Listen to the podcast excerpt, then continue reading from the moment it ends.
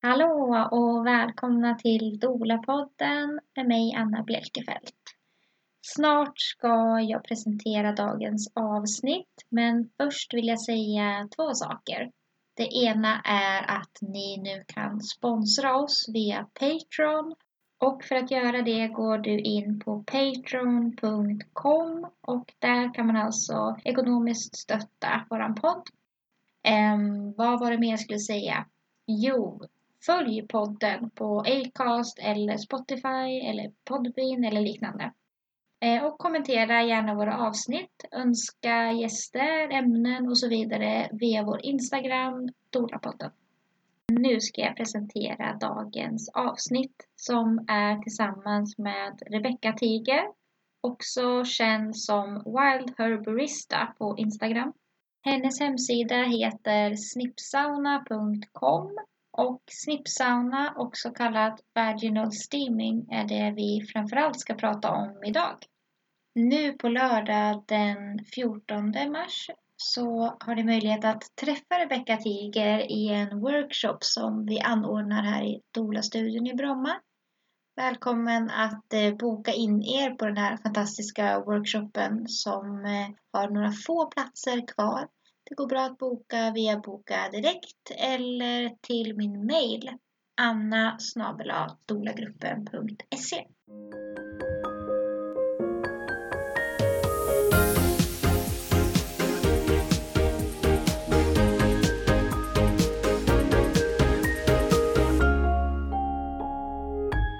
Okej Rebecka, då kör vi igång. Välkommen först, välkommen till Dola-podden. Tack så mycket.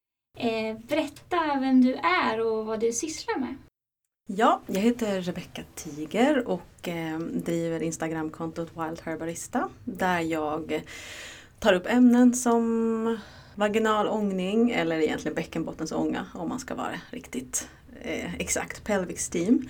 Örter, ceremonier, eh, även pratar ganska mycket om, eh, försöka koppla moderna kvinnan och feminismen med vårt ursprungliga arv som vi har i det här landet. Så, ja, för jag är ju också utbildad prästinna, håller ceremonier. Mm. Berätta, vad är det för något?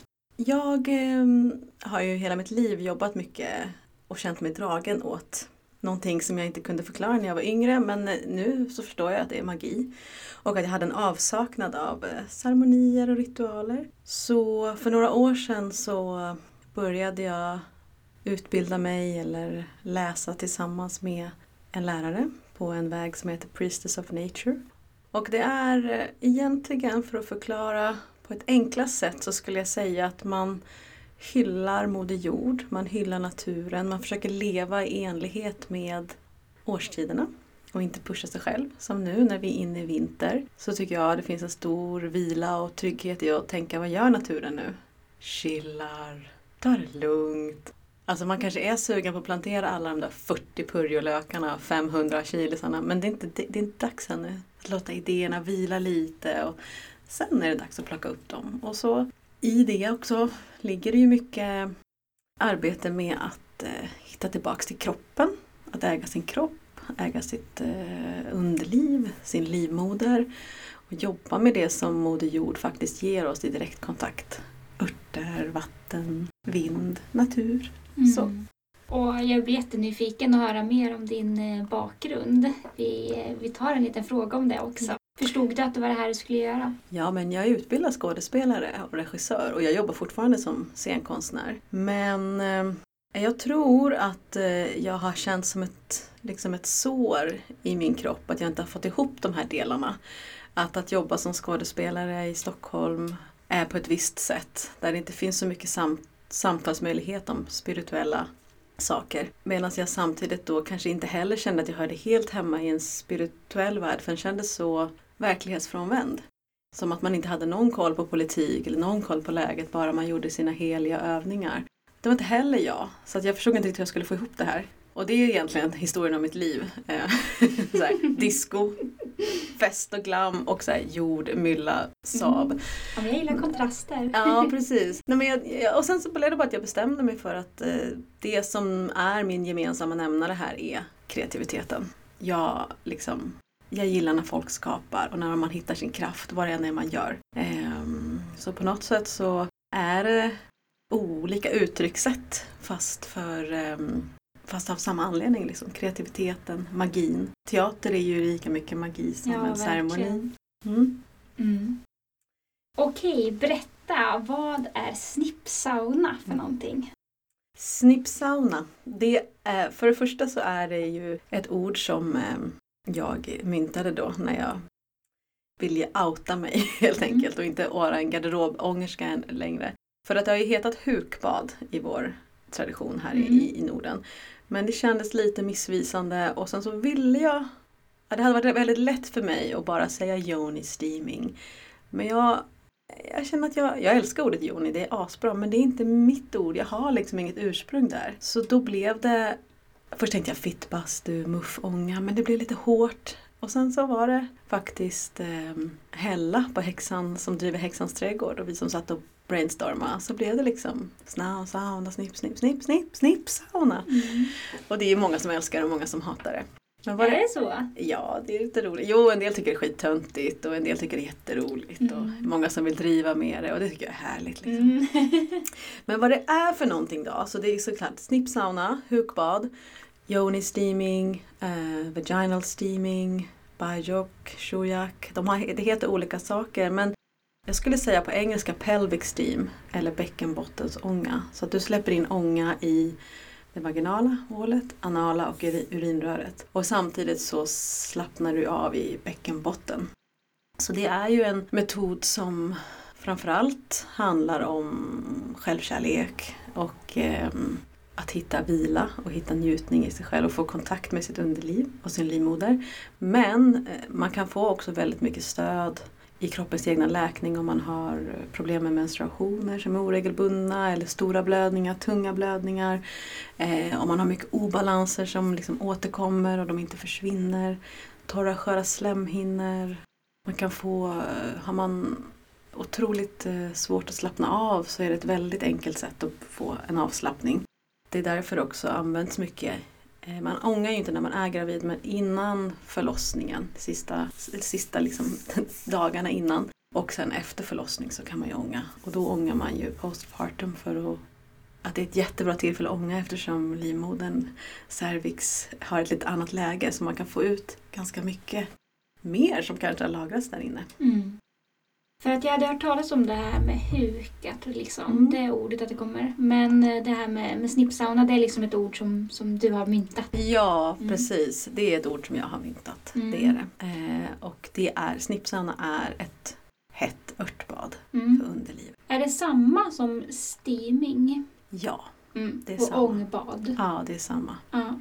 Jag delar in det i som att då allting som heter med steam, Joni steam, vaginal steam eller då snippsauna eller ångbad. Det är att man sitter eller hukar över en eh, kastrull med hett vatten där ångorna kommer in i underlivet. Sen finns det ett varmt avslappnande örtbad och då har du ingen ånga. Då sitter Okej. du bara med värme. Och sen finns det sittbad och det är när man sänker ner sitt underliv i då ljummet vatten om man behöver kyla ner.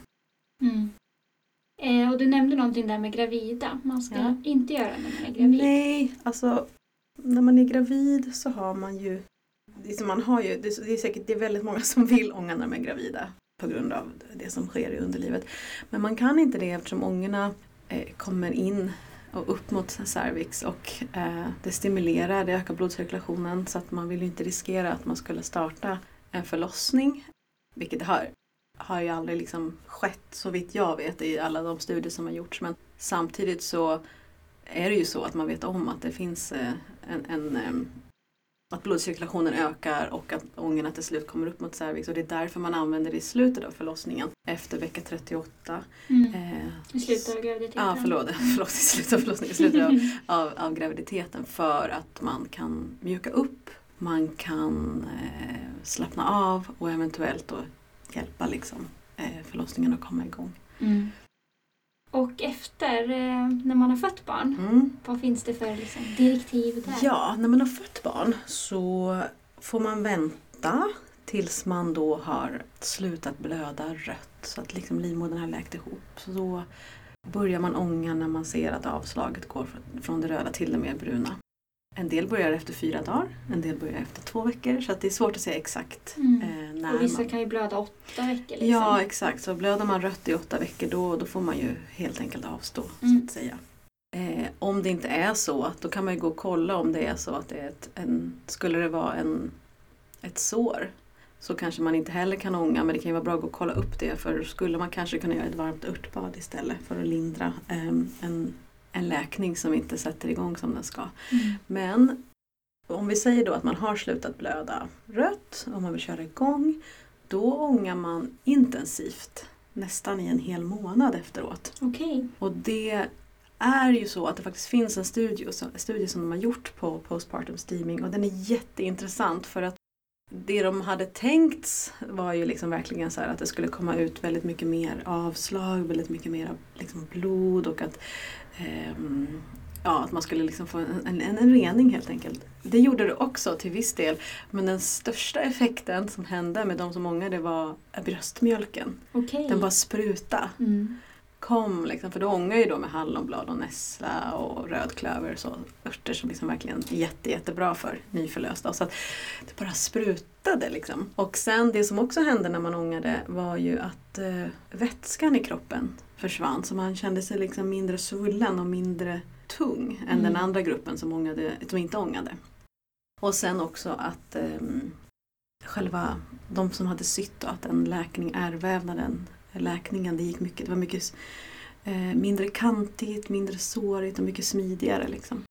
Så det, Mm, det är en den- sån sak som jag kan tänka så här om man har ärrvävnad att det kan ju kännas ganska stramt efteråt Mm. i underlivet. Att det skulle kunna vara hjälpsamt för det. Ja, Med ånga, det känns ju rimligt liksom. det kän, det, alltså jag, precis. Och det, den här studien finns på min hemsida faktiskt om man Mm. vill läsa den. Jag tänker att vi länkar till den också. Ja. Jätteintressant. Ja, ja. Eh, och det som också... Alltså, när man ångar efter en förlossning så får man ju liksom vara snäll mot sig själv. Så att får, man kan ju ånga när, mm, om man har en stol kan man ju amma och ånga. Men alltså får man en minut så är det jättebra. Får man fem minuter är det bra. Men man behöver inte sitta så länge liksom. Man kan sitta, det räcker med tio minuter. Ehm, och i början kan det kännas lite pirrigt och lite så läskigt. Men det gör ju nästan allting efter en förlossning eftersom det har Ja. hänt ganska, ganska stor impact där, så att säga.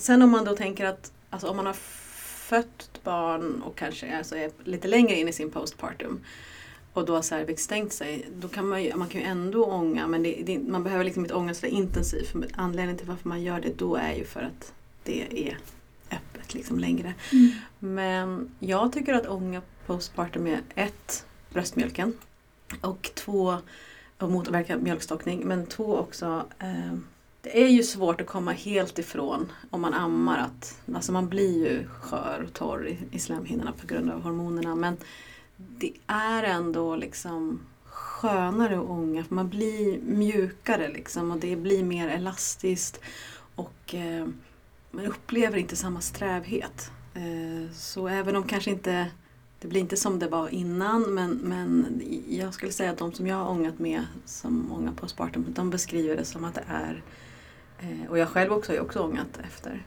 Jag visste inte när jag väntade mitt barn att man kunde ånga eh, innan förlossning eller efter så jag har inte gjort det tyvärr. Nej. Det är därför jag lite sugen på att bli gravid igen. Ett barn till. Ett barn till. Ja, nej men eh, så det, det, det blir verkligen så att det smörjer skulle jag säga. Blodcirkulationen Mm. ökar så det känns, inte, det känns mindre strävt. Mm. Mm. För att det kan ju vara de som slutar amma för att man tycker att slemhinnorna blir så Ja. otroligt torra och man får problem med underlivet. Mm. Så det här skulle kunna hjälpa med det. Ja, absolut. Mm. Och kanske dricka örter invärtes också. Mm. Rödklöver, rödleka, maskros och så. Men, men det är ju också kroppens på något sätt naturliga försvar mot en för tidig att bli gravid igen Ja. och sådär. Så att, eh, till viss del liksom. Men Mm. där kan man ju också verkligen tänka på saker som att eh, inte stänga in underlivet, liksom ha, försöka ha luftiga byxor, kanske verkligen rensa bort gamla fula trosor som har varit med för länge. Mm. Eh, investera liksom i dyrare naturmaterial. Siden, merinoull, bambu som andas. För vad är det med de här? För jag, jag läste det, jag tror att det var på din Instagram, Mm. eh, att man ska rensa ut lite gamla trosor. Ja, men det här, jag har ju varit runt lite nu och försökt förstå. Alltså jag har sett ett samband med eh, att folk rapporterar att det luktar illa, att de kan ta på sig trosor så luktar det illa direkt eller att eh, det känns som att det är tro, trosorna eller liksom tajta yogabyxorna som triggar. Så att jag var såhär, men gud vad är det för någonting? Så jag har gått runt som en så crazy lady i så under, lite så underklädesaffärer som, Mm. som säljer och frågat vad är det? Varför blir det så här? Och ja, det är inte så att det var inte så att jättemånga kunde svara. Men, Nej, jag tänkte säga det. Kan men, de? men då, ja, det var några som var väldigt kunniga om, om textiler och fabrik och de, berätt, fabric, och de berättade ju liksom att fibrerna i bomull ligger på ett sätt eh, som gör att när fukten kommer så suger fibrerna in fukten och det är jätte, jättebra.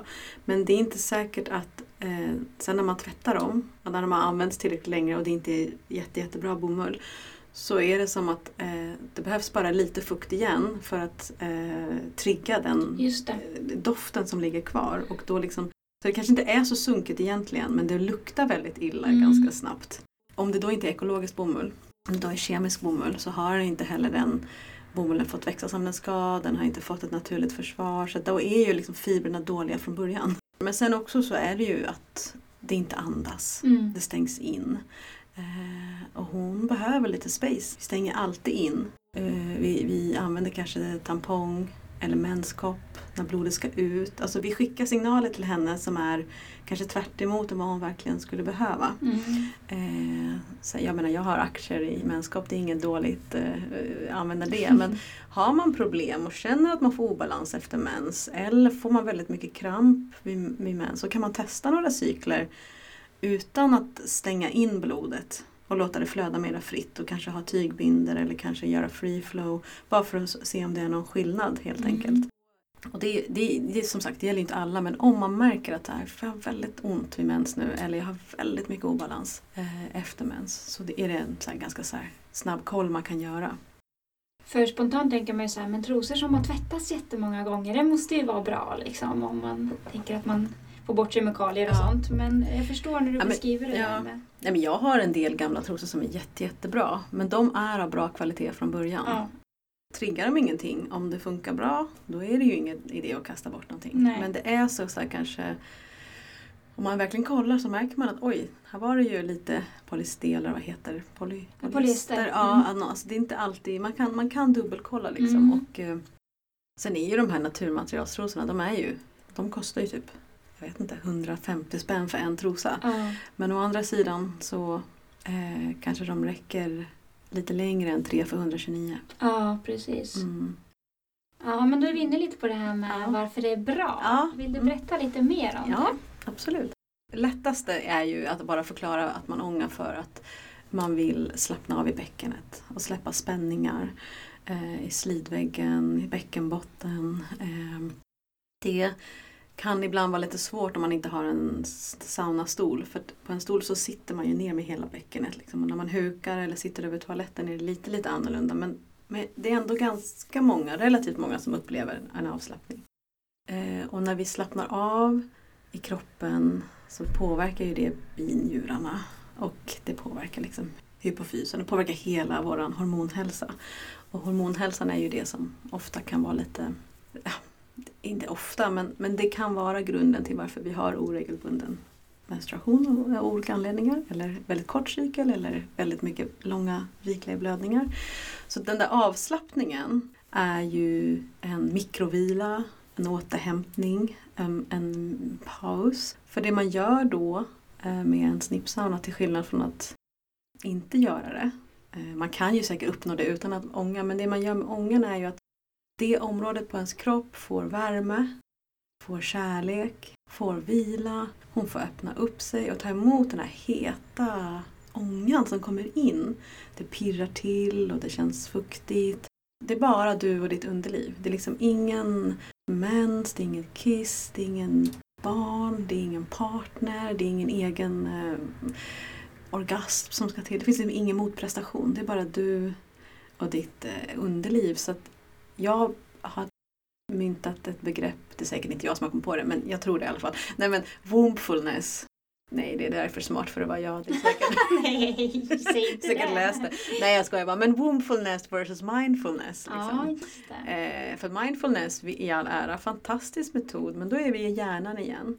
När vi kommer ner till livmodern så har vi liksom platsen där livet eh, skapas liksom. Där vi bär ett barn men vi kan också bära en dröm. Vi behöver inte liksom föda fram ett barn. Vi kan föda fram vår egen heliga dröm eller vår egen kreativa sida. Och här nere finns också våra skuggsidor och vårt Mm. mörker. Som hjärnan som är så rationell och lever i den här coola världen där det ska vara liksom eh, lite andra snabba värderingar. Men här nere så sitter liksom det som inte vi gärna vill släppa fram. Avundsjuka, missunnsamhet, rädsla. Mm. Och när vi börjar ånga och slappna av och kommer i kontakt med den delen av vår kropp så kan det hända ganska mycket spännande saker faktiskt. Ehm, man kan komma på eh, någonting som man har glömt bort att man gillar eller någon, ett gammalt trauma kommer upp till ytan. Eller eh, man får bara ett så här, känslodrabbning. Jag, vet, jag har flera som så här, du vet, för jag har sagt att de kan, de som har konsultation med mig, jag har sagt att de kan ringa mig och så bara, jag var jätteglad och jättemysig och så ångar, nu är jag så jävla förbannad. Ja, Ja. då kom de känslorna Mm. upp. Så det är jättefint. Så Mm. den delen tycker jag är rent ceremoniellt och prästinneaktigt, den är väldigt rolig att jobba med. Att liksom förlösa, förlösa sig själv. Ja. Eh, så här, eh, soul midwife på Ja. något sätt. Liksom, att, att jobba med det, med ångningen. Men sen är det bara också skönt. Man behöver inte heller gå in på hela den spirituella vägen om man inte känner sig redo eller sugen. Man kan bara, it's fucking nice and pleasurable. Enkelt liksom. Mm. Men sen då, om man går in på de två stora områden som man verkligen kan få hjälp av ångningen eller hjälpa kroppen. Då är det ju då framförallt oregelbunden menstruation, att den blir mer regelbunden. Eh, att hjälpa att förlänga cyklar eller förkorta cykeln så att man landar någonstans mellan 26 och 32 dagar ungefär där. Eh, och det är ju liksom för att optimera alla möjligheter, inte bara för fertilitet utan också för livet. För det är ganska jobbigt om man, även om man är okej med 21 dagars cykel, så om man tänker efter så är det ganska få dagar där man kanske inte har med underlivet att göra. Jag brukar lyckas ganska bra med det. Mm. Ehm, Men sen också liksom de här otroligt rikliga blödningarna där, där man måste alltså, verkligen ta alla åtgärder som någonsin går att göra. Eh, blöder igenom, vaxibinder på en timme. De, där, där kan man också göra väldigt mycket jobb. Också menssmärtor, kramper och PMS. Och där, där kan man jobba med ångningen på olika sätt för att få ut... För att det är ju så att om en menstruation börjar med väldigt mycket brunt blod då är kan man nästan vara 100% säker på att inte allt blod kom ut mensen innan. Och då måste livmodern börja med att ta ut det gamla Okej. blodet. Och då kan det vara så att antingen kan det vara att det tar lång tid. Vet, man får mensvärk på torsdagen, sen kommer det liksom lite brunt, brunt, brunt och sen kommer mensen igång på lördagen. Då kan man, det är liksom lite stagnerad energi. Eller så är det tvärtom, att här, det bara kommer forsar ut. För att hon bara, det ligger lite i vägen, nu pushar jag ut det här. Mm. Och så blir det nästan så att det blöder så eh, fort att man får ut liksom svarta eh, blodklumpar, koagulerat blod. Och det där är också väldigt ihoplänkat med kanske hormonobalans och så vidare. Men ångningen, eftersom det är bodywork fast med ånga, ångarna kommer in och, och hjälper till. Där återigen avslappningen, liksom, Mm. att man låter kroppen återhämta sig. Men där brukar man ju få ut väldigt mycket klumpar, väldigt mycket brunt. Folk som har så här, inte alls haft klumpar får ut ganska mycket klumpar och sen så får de en helt annorlunda menstruation efteråt. Så det är väldigt fint eh, att jobba med mensen på det sättet. Mm. Och sen även eh, den andra stora området är ju då infektioner. Eh, de fuktiga infektionerna och de torra svidande infektionerna. Har vi de fuktiga infektionerna, typ som bakteriell vaginos eller svamp, så mycket, mycket flytningar och så, så kan man verkligen få ut de där flytningarna. Alltså det kommer ut ur en. Som om att fittan är förkyld, Mm. kind of feeling. Så att eh, det är ganska geggigt och härligt. Mm. och är det så att man har väldigt mycket torra, svidande, brännande känslor då kanske inte det alltid är optimalt att börja med ångan. För då har vi liksom hetta med hetta. Då kan det vara bättre att göra sittbad först för att kyla ner och lugna så att det, infektionerna lugnar ner sig lite. Eh, och sen kan man börja ånga för att få ut ja, eventuell obalans. För det är ju lite dubbelt så här att svamp, bakterierna, de gillar när det är mörkt och fuktigt och om det är, finns någon obalans. Och här tror jag, jag ja, som sagt jag har ju outat vem jag är, vad jag tror på. Jag tror mycket väl att obalanser kan komma från bakterier och, och folks fingrar och mun och händer. Självklart är det så. Men jag tror också att det finns så att hon kan skapa en obalans för att man inte är redo för att ta in en annan person i sitt underliv. Utan att hon vill känna sig så här completely loved, älskad. Det är ju så att man öppnar upp sig för en annan person. Vare sig det är liksom någon med snopp eller inte så är det liksom man öppnar upp sig och visar det absolut allra heligaste. Så mm. om man inte är redo med sig själv eller om man inte riktigt litar på, på sin omgivning ännu så tror jag hon, hon bara I'm gonna, you know. Sen lyssnar vi inte på det för att vi lever mm. ju i ett annat samhälle. Så. Mm. Det här är inte värt ännu. Men, men jag tror att om man, folk som när de börjar lyssna på sin, sitt underliv Alltså det finns så mycket kunskap. Men det är inte så att hon bara börjar babbla med Stockholmsdialekt. Utan det är ju liksom genom spänningar, ja precis det vore så lätt att. Nej men det är ju spänningar och pirr och, och, och det knakar till och mm. man, brukar känna, man känner väldigt mycket. Liksom. Man börjar direkt så här känna, hur känns mitt underliv idag? Ja. när man pratar ja. om det. Hur känns det då? det känns nästan inte alls och då tänker jag att då måste det ändå vara positivt. Jag brukar också tänka på mitt underliv, hur känns det idag? Hur känns det nu? Nu är jag liksom precis dagarna efter mens och då är det dags för mig att ånga idag egentligen. Mm. För jag, jag, tycker den viktigaste dagen att ånga är den dag som mensen inte är röd längre.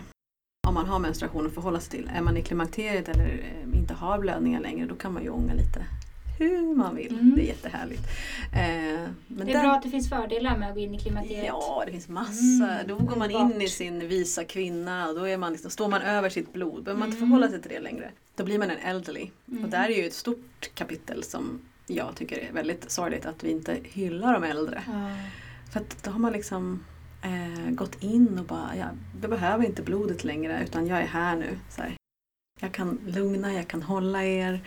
Um, men det är lite så här, Tantens revansch är inte ännu här, Nej. men den kommer. Den kommer. Mm. För många som är i klimakteriet är ju liksom sina finest, best years. Liksom barnen är stora, man kanske har etablerat sig på sitt jobb, man har bättre inkomst än man hade när man var 20.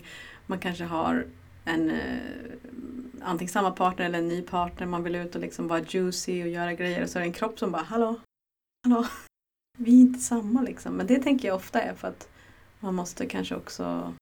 Det finns ingen naturlig plats för tanten ännu. Det är ju liksom ingen urgammal person. Det är ju verkligen en supersexy, härlig Jaguar. ja, precis. Ja. ja. det måste vi verkligen prata mer ja. om. Vi ska faktiskt ha en, en annan gäst här och prata om klimakteriet ja. också. Och, jag längtar eh, dit. härligt. um, men vad tänkte jag på? Um, hur går det till liksom, om man kommer och träffar dig till mm. exempel? Om man träffar mig så jag har olika ehm, upplägg eh, och den träffar man mig och jobbar med mig så är det oftast i ceremoni, i cirkel. Um, brukar vara mellan sex och tio personer som ångar tillsammans i grupp. Det brukar vara väldigt fint liksom ett samtal innan och sen ångar vi och sen samtalar vi efteråt.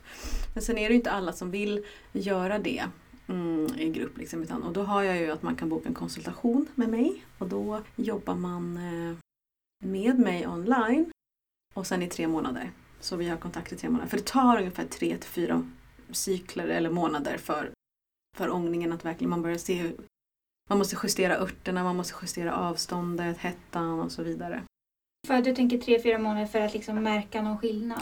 Ja, man kan märka skillnad direkt. Eh, men det kan ju vara så här att vi säger att jag har en klient och sen så har hon dels en oregelbunden cykel men också en jättejobbig svampinfektion som återkommande. Då bestämmer hon och jag vad vi ska prioritera. Vad är det som just nu gör att ditt liv inte är maximalt? Och oftast brukar det vara svampinfektionen som är så här fucking killer. Då går vi in och jobbar på den först. Och då kan ju det ta x antal ångningar. Eh, och sen när det är klart, då går vi in på nästa eh, steg. Sen så får ju de en plan hur de ska ånga efteråt. Så här, för att inte hamna kanske där. Men vi pratar inte bara om ångning, vi pratar ju om hela liksom, livet också. Men, men så, så går det till.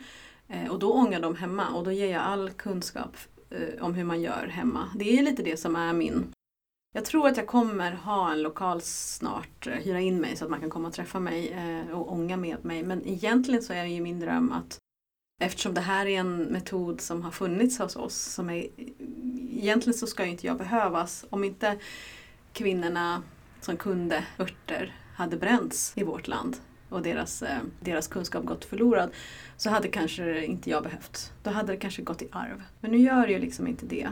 Och då så får jag och kollegor kämpa för att få den här kunskapen eh, att komma till liv igen. Mm.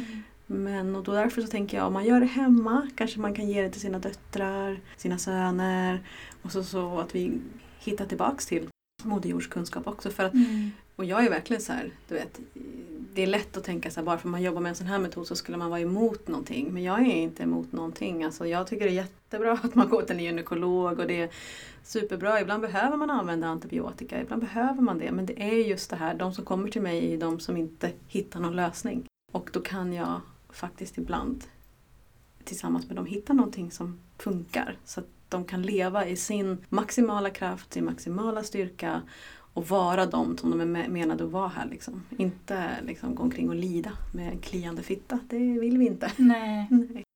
Du var inne på det lite med söner. Mm. Kan män också göra? Ja! Det går, Snoppsauna? nej men snoppsauna går inte. Nej. För att pungen är ju så känslig va. Mm. Den är ju liksom lite... Um, gillar inte när det blir varmt. Så... Nej just det, den ska inte bli för varm. Nej, jag ska eller? inte bli för varm. Så, så jag har ju då absolut eh, tvingat min man här nu att testa och undersöka. Det finns faktiskt, den enda kliniska studien som finns är en prostatacancerstudie om hydrotherapy. Okej. Den finns också på min hemsida. Men man ångar ju framförallt anus.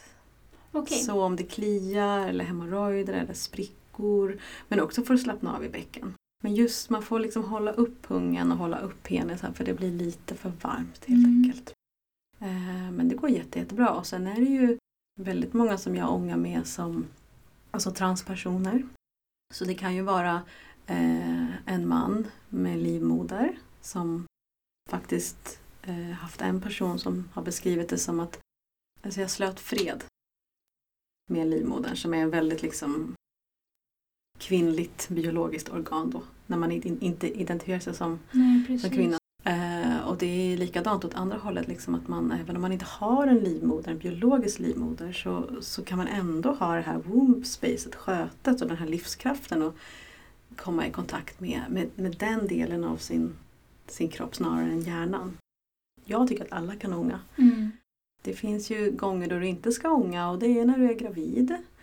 Eh, Du ska heller inte ånga om du har mitt uppe liksom i en jättejobbigt svamputbrott eller herpes. För det är hetta på hetta. Du ska heller inte börja ånga om du har blödningar från underlivet som du inte vet varför de kommer.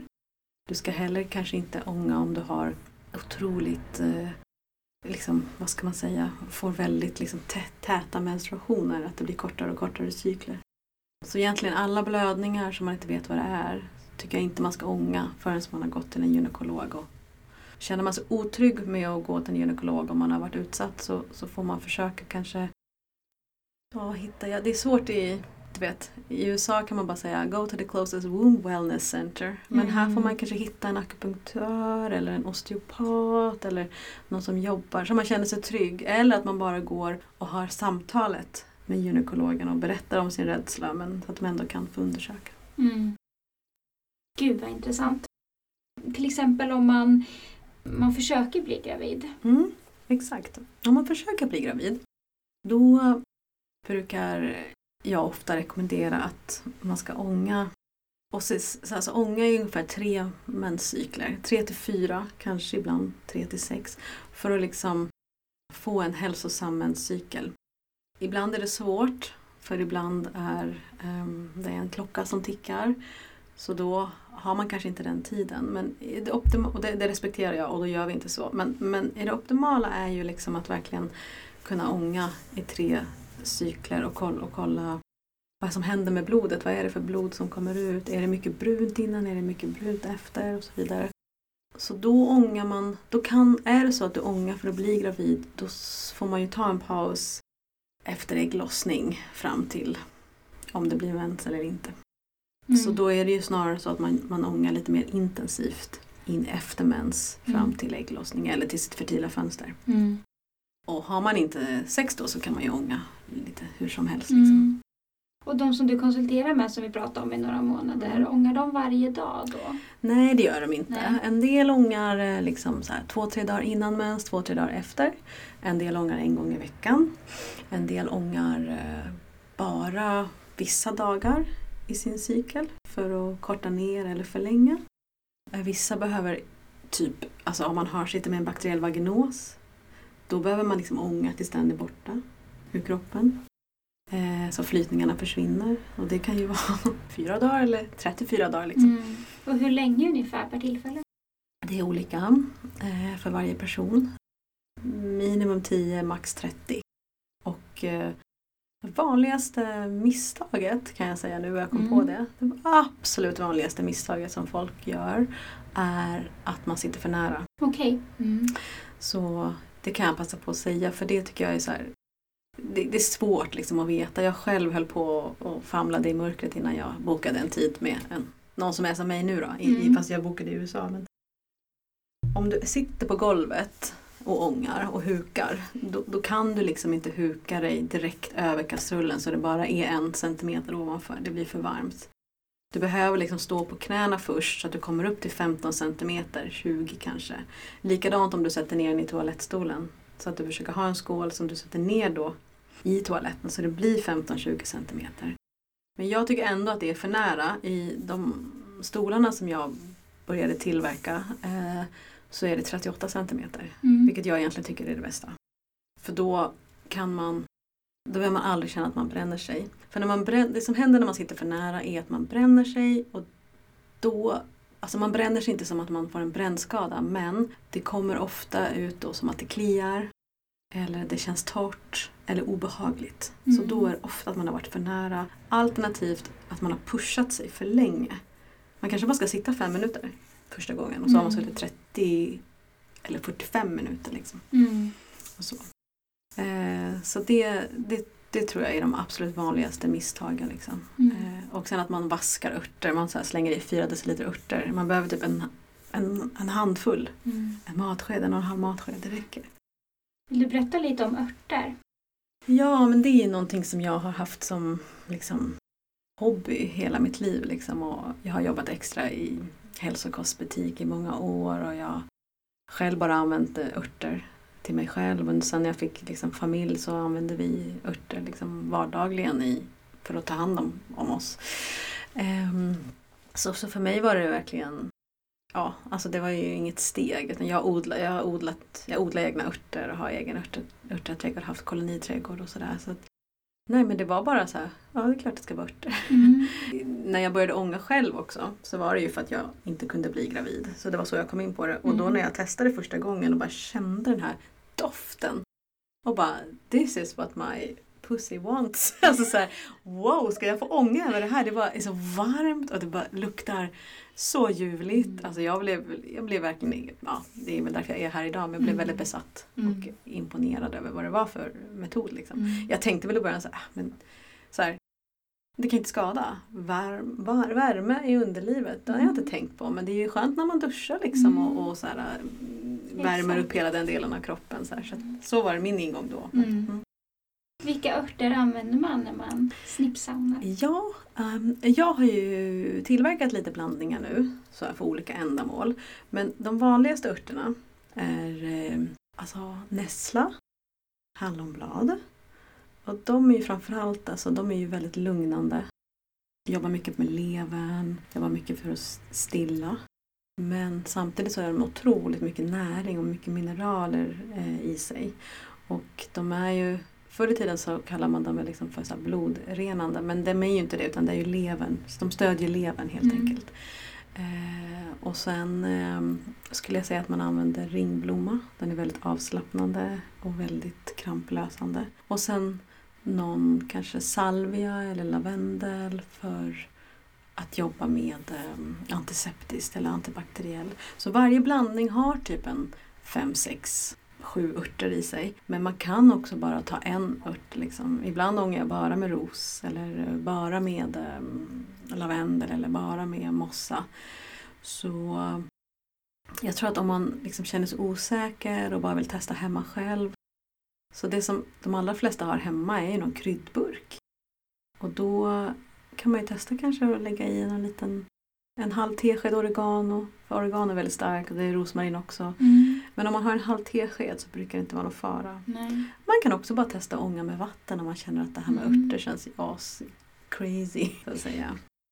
Tänkte på att vi har eh, några påsar med rullika här som är torkade. Ja men nämnde du ja, också. rödlika är absolut. Mm. Det är, för? den är väldigt eh, renande, utrensande. Den är ju lite spännande för det har ju liksom, liksom kallats för en kvinnoört eh, i jättemånga olika kulturer. Och kombinationen rödlika, gråbo och lomme, det, den är eh, blodstillande. Mm. Medan kombinationen kanske bara rödlika är renande och Okej. får liksom blodet att komma. Så Mm. att har man en kort cykel, kanske rödlika, gråbo. Och har man en längre cykel så kanske bara rödlika. Okej. Men sen är den ju också Alltså den är ju kramplösande också och jobbar jättemycket med att eh, lugna hela fortplantningssystemet. Jag har nästan den i alla mina blandningar. Mm. Nästan. Och den kan man också dricka? Eller? Den kan man dricka. Ja, Ja. Den är så här super eh, kramplösande te är ju att dricka så här, eh, kanske 3 till 5 koppar rödläkarte innan, innan mens. Mm. Tre koppar under mens för Mm. att få bort smärta. Liksom. Mm. Rödläka, maskros, nässla. Det är ju en Mm. riktigt bra tekombination. Mm. Mm. Gud vad spännande. Ja just det, du och din man Ja. skapar med händerna. Ja. Du var lite inne på det. Mm. Berätta. Precis, jo, jag tog lite cred här och sa att jag hade tillverkat stolarna men det är faktiskt min man som gör dem. Mm. Han är precis som jag, alltså, vi har jobbat som scenkonstnärer fast han har jobbat med cirkus hela sitt liv. Ehm, Men ehm, i hans fall då med cirkus som är ett väldigt fysiskt arbete så vid en viss ålder så klarar man inte riktigt av att göra det Nej. man gjorde när man var ung. Så hans intresse förutom det är ju att eh, jobba med trä. Så det var ganska enkelt när jag sa men gud jag behöver någonting att sitta på. Och då fick jag liksom inte bara en så här enkel stol utan han började tillverka värsta fina pallarna och jag bara Oh my god, den är så len, den är så skön, den är så mysig. Eh, och sen så gick han igång på så här, ja men man kanske ska göra en sån också, en sån. Och sen så tillverkade vi fyra olika stolar som vi säljer.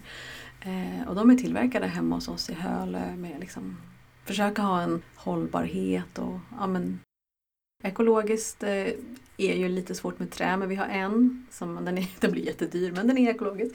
Eh, och så eh, köper vi liksom trä från Järna och sådär så det känns väldigt spännande och det är där vi också packar våra örtblandningar och det är där örterna samlas in eller så och jag köper lite av bönder där ute eller så beställer jag ekologiska örter då, från en återförsäljare. Så vi har liksom startat typ ett litet vaginalt familjeföretag. det är underbart. Känns det som ibland. Eh, ja, det, Så man kan köpa de här stolarna? Ja, pallarna? precis. Man kan Mm. köpa stolarna och man kan köpa pallarna. Mm. Eh, de är döpta efter olika eh, nordiska gudinnor. Mm. Dess egenskaper. Ah, Mm. fint. Eh, Rebecka, vill du berätta var man hittar dig? Ja, man hittar mig online hittar man mig på Instagram, Wild Herbarista. Eller så hittar man mig på snipsauna.com.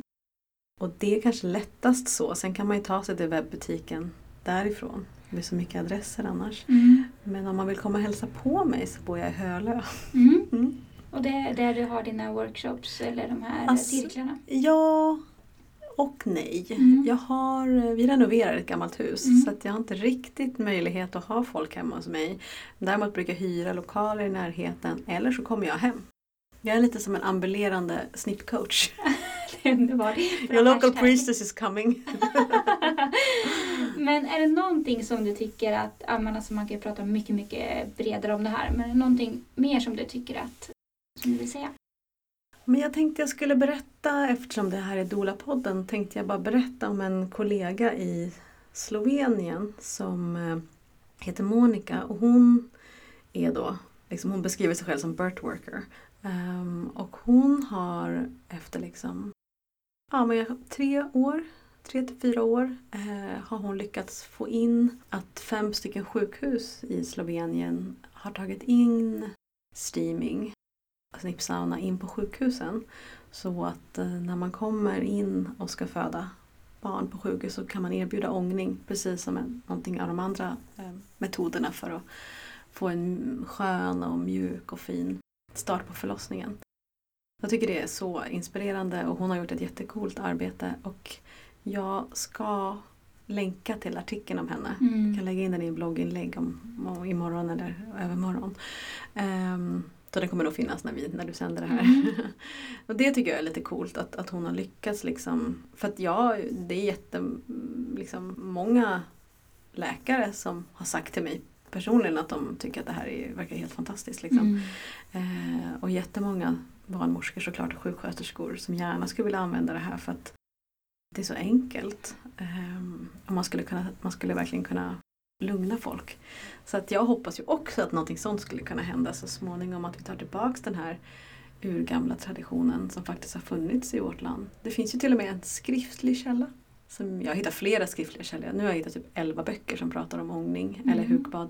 Men den äldsta är eh, Linnés bok från Lapplandsresan 1734. Då han träffar några kvinnor som eh, ska hjälpa en kvinna som har fött barn. De har samlat eh, renfana till Mm. hennes eh, ja, postpartum. Då. Mm. Mm. Gud vad intressant. Mm. Eh, jag vet i alla fall vad jag ska göra ikväll. Efter mitt eh, församtal så ska jag hem och steama lite. Så kommer du bli nerringd av mig Rebecka. Jättebra, ring, ring, ring. ring. Tack snälla för Tack att så du kom till oss. Ja, det var jättekul. Tack för inbjudan. Tack.